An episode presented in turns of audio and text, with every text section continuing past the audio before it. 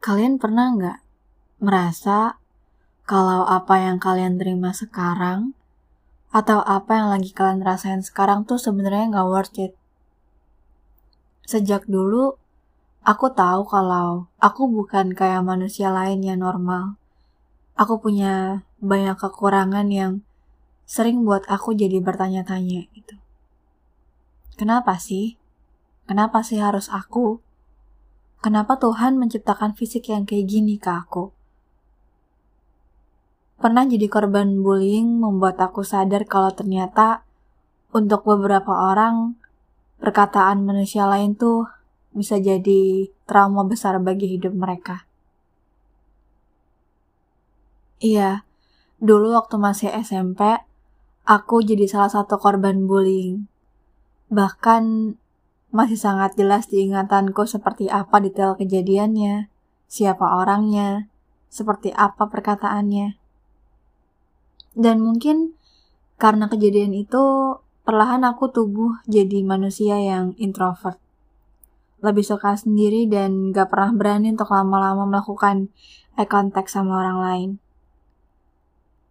Hal itu juga yang ngebuat aku jadi takut tiap ketemu dan kenal sama orang baru terlalu banyak tanda tanya yang ada di kepala yang sering membuat aku pening sendiri kayak dia sadar nggak ya sama kekurangan gue?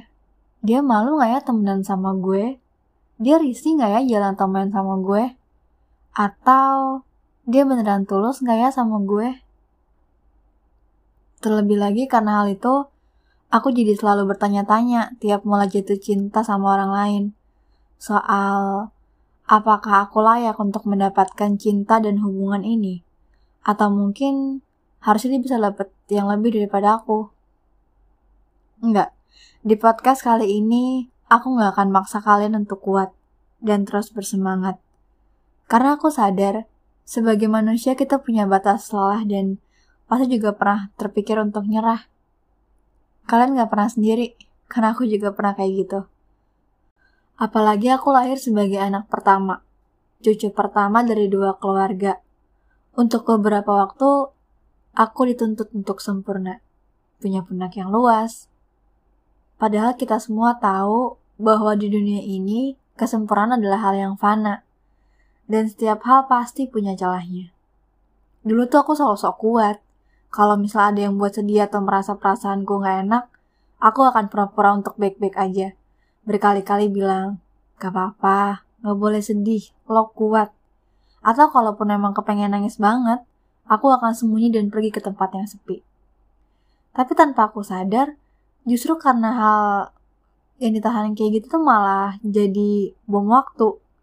Dan sadar atau enggak, aku kayak lagi nanam bom dalam kepalaku sendiri gitu.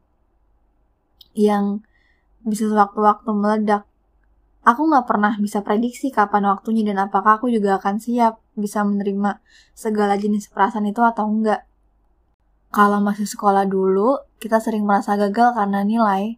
Saat dewasa dan seiring berjalannya waktu, aku justru lebih sering merasa gagal karena pencapaian.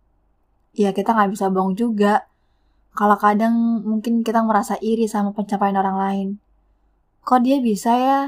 Kok gue masih di sini-sini aja ya? Ini gue kapan majunya sih? Atau ini kenapa gue kayak jalan tempat sih? Gak apa-apa, kan gak sendiri karena aku juga pernah ngerasain kayak gitu. Tapi balik lagi, makin dewasa, aku sadar bahwa Tuhan tuh punya banyak cara untuk menunjukkan rasa yang ke hambanya. Kalian mungkin gagal untuk masuk ke PTN yang dimau, untuk masuk ke sekolah yang diimpikan, gagal untuk bekerja di tempat yang didambakan sama semua orang. Tapi seenggaknya kita masih punya satu tempat untuk pulang. Masih punya rumah yang bisa jadi tempat untuk ambil dan buang nafas. Wujudnya emang gak harus selalu keluarga. Bisa sahabat, gebetan, pacar. Atau hal yang paling simpelnya tuh idola. Jujur ini jadi salah satu alasan aku menulis ini sekarang waktu itu, waktu aku dengar kalau ada orang yang sadar atau notice soal kekuranganku, aku um, langsung ngerasa sedih gitu. Terus aku bilang ke papaku, kata-katanya tuh masih sama sih. Kenapa harus aku? Padahal aku nggak minta fisik yang kayak gini. Dan jawaban papa adalah, kamu tahu nggak? Kamu tuh masih jauh lebih beruntung dibanding ribuan manusia di bumi. Tuhan tuh tahu kamu capek, Kak. Tapi kalau tanya kenapa harus kamu orangnya, karena Tuhan tahu kamu mampu. Dari ribuan orang di luar sana, kamu masih jauh lebih beruntung karena semua indera kamu tuh masih berfungsi. Masalahnya cuma di mata kamu aja kan? Itu adalah ciptaan Tuhan yang sedikit lebih istimewa. Tapi banyak dari mereka yang bahkan gak bisa melihat dengan jelas keindahan dunia. Warna pelangi. Tangan kamu masih bisa berfungsi. Sadar gak kalau banyak orang di luar sana yang harus pakai alat bantu untuk bisa makan dengan normal? Banyak orang yang lebih kurang daripada kamu, tapi mereka juga milih untuk tetap bertahan. Karena mereka tahu Tuhan juga pasti punya alasan lain untuk itu. Iya, sejak saat itu aku selalu berusaha untuk menerima kenyataan kalau aku manusia yang cukup. Istirahat sebentar gak apa-apa kok, nangis juga boleh. Ingatkan dengan hak asasi manusia yang bisa membebaskan manusia untuk memilih. Hidup ini kan emang pilihan juga untuk bertahan dan nyerah. Garis finishnya emang terasa masih jauh banget.